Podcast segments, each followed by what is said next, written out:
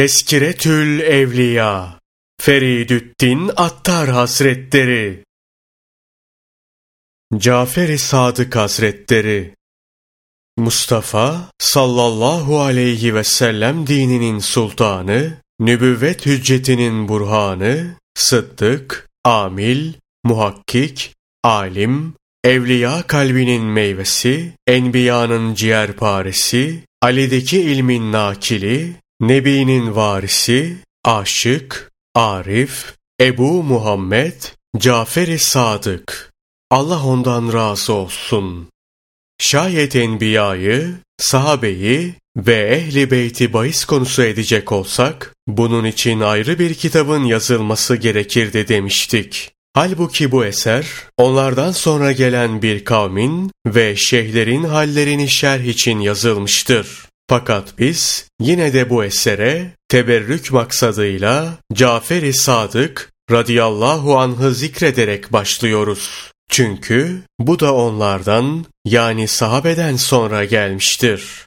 Ehli beyt içinde tasavvuf yoluna dair en çok söz söyleyen odur. Ondan birçok rivayet gelmiştir. Bu yüzden o hazrete dair birkaç söz zikrediyorum. Zaten onların, ehli beytin hepsi birdir. O zikredilince hepsi zikredilmiş olur. Baksana, onun mezhebini tutanlar, 12 imamın mezhebini tutmuş olmuyorlar mı? Açıkçası bir 12'dir. 12'de birdir. Eğer sadece onun vasıflarını anlatacak olsam, bunu dille doğru dürüst ifade edemem. Zira o, tekellüfsüz olarak bütün ilimlerde, işaretlerde ve ibadetlerde kemal mertebedeydi. Bütün şeyhlerin önderi bulunuyordu. Herkes ona itimat etmekteydi. Mutlak bir rehberdi. İlahilerin şeyhi, Muhammedilerin imamı, zevk ehlinin delili, aşk ehlinin kılavuzu, abidlerin önderi ve zahitlerin de mükerremiydi. Hakikatlerin esrarı hakkındaki eserleri itibariyle önemli, tenzil ve tefsirin esrarındaki nükteler cihetiyle de eşsiz bir derecede bulunuyordu. Bakır, Kuddise Sırrıhu'dan önemli birçok söz nakletmiştir. Şaşarım o kimseye ki, ehli sünnet vel cemaat ile ehli beyt mezhepleri arasında fark vardır diye hayal eder. Zira hakikatte ehli sünnet vel cemaat ehli beytten ibarettir. Bir kimse böyle bir batıla neden saplanıp kalır onu bilemem. Fakat bildiğim şey şudur ki Hazreti Muhammed sallallahu aleyhi ve selleme iman edip de evladına ve yaranına iman etmeyen kimse Hazreti Muhammed sallallahu aleyhi ve selleme de iman etmemiş olur. Baksana İmam Şafi radıyallahu anh'ı Ehli beyti son derece fazla sevdiği için Rafiziliğe nispet ederek hapse atmışlardı. Bu hususta söylemiş olduğu şiirin bir beyti şöyledir. Eğer Muhammed sallallahu aleyhi ve sellemin alini ve hanesi halkını sevmek rafizilikse, ins ve cin şahit olsun ki ben bir rafiziyim. Tutalım ki Resulullah sallallahu aleyhi ve sellemin al ve ashabını bilmek imanın esaslarından değildir. Ama işe yaramadığı halde bildiğin nice şeyler var. Hatta insaf odur ki dünya ve ahiretin padişahı olarak Hazreti Muhammed sallallahu aleyhi ve sellemi tanıyınca onun vezirlerini, ashabını ve evladını da yerli yerince tanıyasın. Ta ki sünni ve pak itikat sahibi olasın. Haklı olanı müstesna, padişahın yakınlarından hiçbirine taassup ve husumet göstermeyesin. Tıpkı şu misalde olduğu gibi. İmam Ebu Hanife, rahmetullahi aleyhe, Hazreti Peygamber sallallahu aleyhi ve sellemin yakınında bulunanlardan hangisi daha üstündür diye sordular. O şöyle cevap verdi. Yaşlılardan Sıddık ve Faruk, gençlerden Osman ve Ali, kızlardan Fatıma, hanımlardan Ayşe. Radiyallahu anhüm ecmain. Naklederler ki, Halife Mansur bir gece vesirine git Sadık'ı yakala ve getir ta ki katledelim dedi. Vezir o bir köşeye çekilip oturmuş, uzleti ihtiyar etmiş, kendini ibadete vermiş ve mülkten de elini eteğini çekmiştir. Emirül müminine ondan hiçbir zarar gelmez. Onu rahatsız etmenin ne faydası vardır dedi. Vezir her ne dediyse bir faydası olmadı. Kalktı, Sadık'ı getirmeye gitti. O vakit Mansur kullarına, Sadık içeri girip de ben külahımı başımdan çıkarınca siz hemen onu katledin dedi. Vezir Sadık'ı huzura alınca Mansur derhal yerinden fırladı. Koşarak Sadık'ın yanına vardı. Onu alıp baş köşeye oturttu. Kendisi de diz çökerek önüne oturdu. Kullar bu işe şaşa kalmıştı. Mansur Sadık'a ne ihtiyacın var? Dile benden ne dilersen dedi. O, benim dileğim, beni bir daha yanına çağırmaman, Yüce Allah'a ibadet ve taatte bulunma haline iade etmendir dedi. Sonra halife ona müsaade etti. Mükemmel bir izaz ve ikramla kendisini uğurladı. Ama o sırada Mansur'u ansızın bir titreme tutmuştu. Başı önüne eğildi ve kendinden geçti. Bu hal üç gün devam etti. Bir rivayete göre bu hal, üç vakit namazını eda edemeyecek kadar bir müddet sürdü. Kendine geldiğinde, vezir, bu ne hal böyle deyince, halife anlattı. Sadık içeri girdiğinde bir ejderha gördüm. Dudağının birini salonun tabanına, ötekini tavanına koymuş, bana, eğer ona bir zararın dokunursa, seni şu salonla beraber yutarım diyordu. Bu ejderhanın korkusuyla ne söyleyeceğimi bilemedim. Ondan özür diledim ama aklım başımdan gitti. Nakledilir ki bir kere Davud-ı Ta'i Kuddisse sırruhu Sadık'ın huzuruna gelerek ona Ey Allah Resulü'nün torunu bana öğüt ver. Çünkü gönlüm karardı demiş. O da şöyle konuşmuştu. Ey Davud sen zamanın meşhur bir zahidisin. Benim nasihatime ne ihtiyacın var? Ey peygamberin torunu! Sizin bütün mahlukata üstünlüğünüz var. Herkese öğüt vermek senin üzerine vaciptir. Cafer-i Sadık radıyallahu an Ey Davud! Ben kıyamet günü gelince Ceddim Muhammed sallallahu aleyhi ve sellemin elimden yakalayıp Niçin bana tabi olma hakkını ifa etmedin? Bu iş sahih bir nispetle, kavi bir neseple olmaz. Bu iş Hak Teâlâ'ya layık olan bir muamele tarzıyla olur. Demesinden korkuyorum dedi. Bunun üzerine Davud-ı Tayi Kuddise sırrıhu ağladı ve Ya ilahi hamurunun mayası nübüvvet suyundan olup ceddi Muhammed Resul sallallahu aleyhi ve sellem büyük annesi Fatıma Betül bulunan bir zat bu derece bir hayret içerisinde kalırsa Davud da kim oluyor ki muamelesi ve amel tarzıyla kendini beğensin dedi. Nakledilir ki bir gün sevenleriyle otururken onlara geliniz kıyamet günü İçimizden hangisi kurtulursa onun diğerlerine şefaatçi olması için birbirimize söz verelim dedi. Oradakiler Ey Allah Resulü'nün evladı bizim şefaatimize ne ihtiyacın var? Çünkü senin ceddin bütün mahlukatın şefaatçisidir dediler. O da şu fiillerin sahibi olarak yarın kıyamet gününde ceddimin yüzüne bakmaktan şahsen utanıyorum diye karşılık verdi. Nakledildiğine göre Cafer-i Sadık radıyallahu an bir müddet halvete çekilmiş ve dışarı çıkmamıştı. Süfyan-ı Sevri Kuddise sırruhu evine geldi ve halk nefeslerindeki feyiz ve faydalardan mahrum kaldı. Niçin uzlete çekildin diye sordu. Sadık radıyallahu an Zaman bozuldu ve dostlar değişti sözünün hükmü şimdi ortaya çıktı dedi ve şu iki beyti okudu. Geçen gün gibi vefa geçip gitti.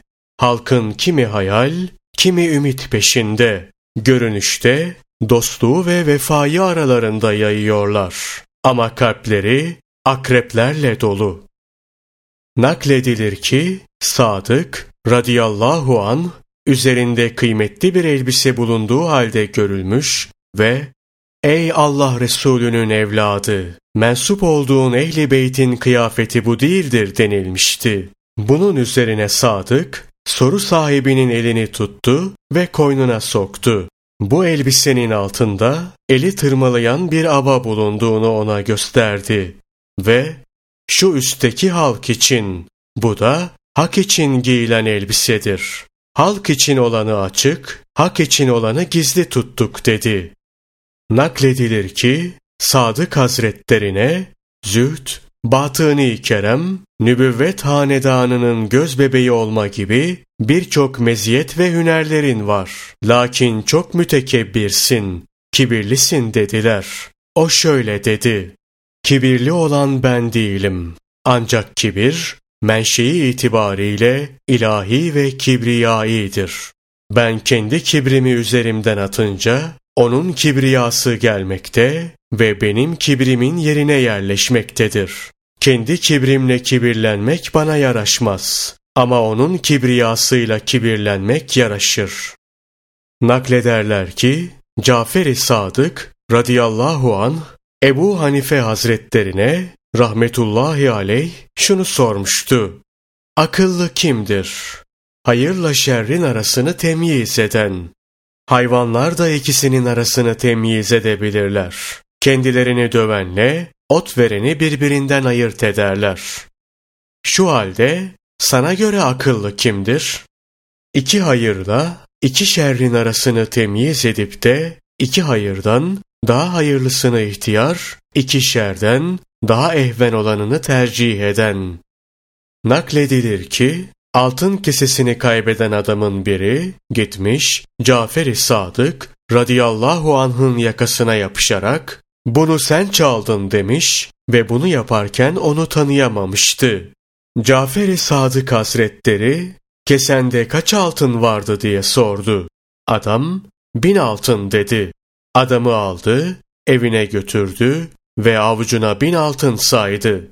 Lakin daha sonra kendi altınlarını bulan adam Cafer-i Sadık'ınkileri geri getirerek yanılmış olduğunu söyledi.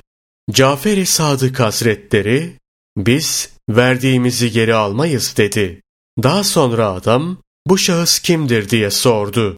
Cafer-i Sadık cevabını alınca bir kere daha mahcup oldu.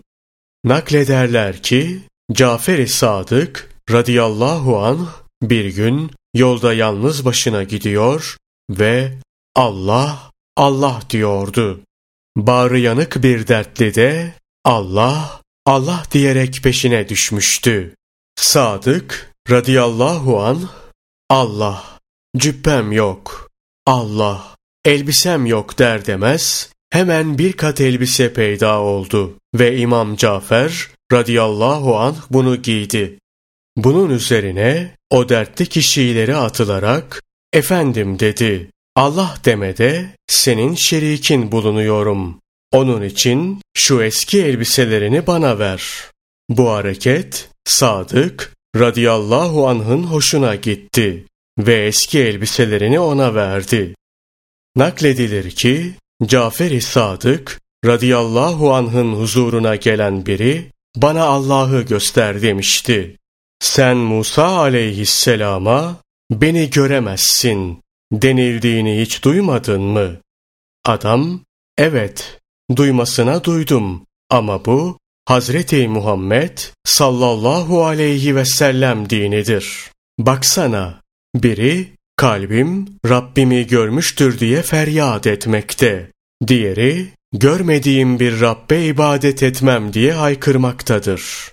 Cafer-i Sadık radıyallahu an bu adamı bağlayınız ve Dicle'ye atınız dedi. Onu bağlayarak Dicle sularına attılar. Adam önce suya gömülüp kayboldu.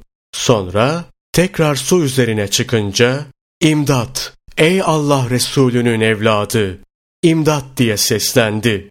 Cafer-i Sadık radıyallahu anh Ey su! Onu altına al dedi. Su da onu altına aldı. Adam tekrar su üzerine çıkınca yine Ey Allah Resulü'nün evladı! İmdat! İmdat diye bağırdı.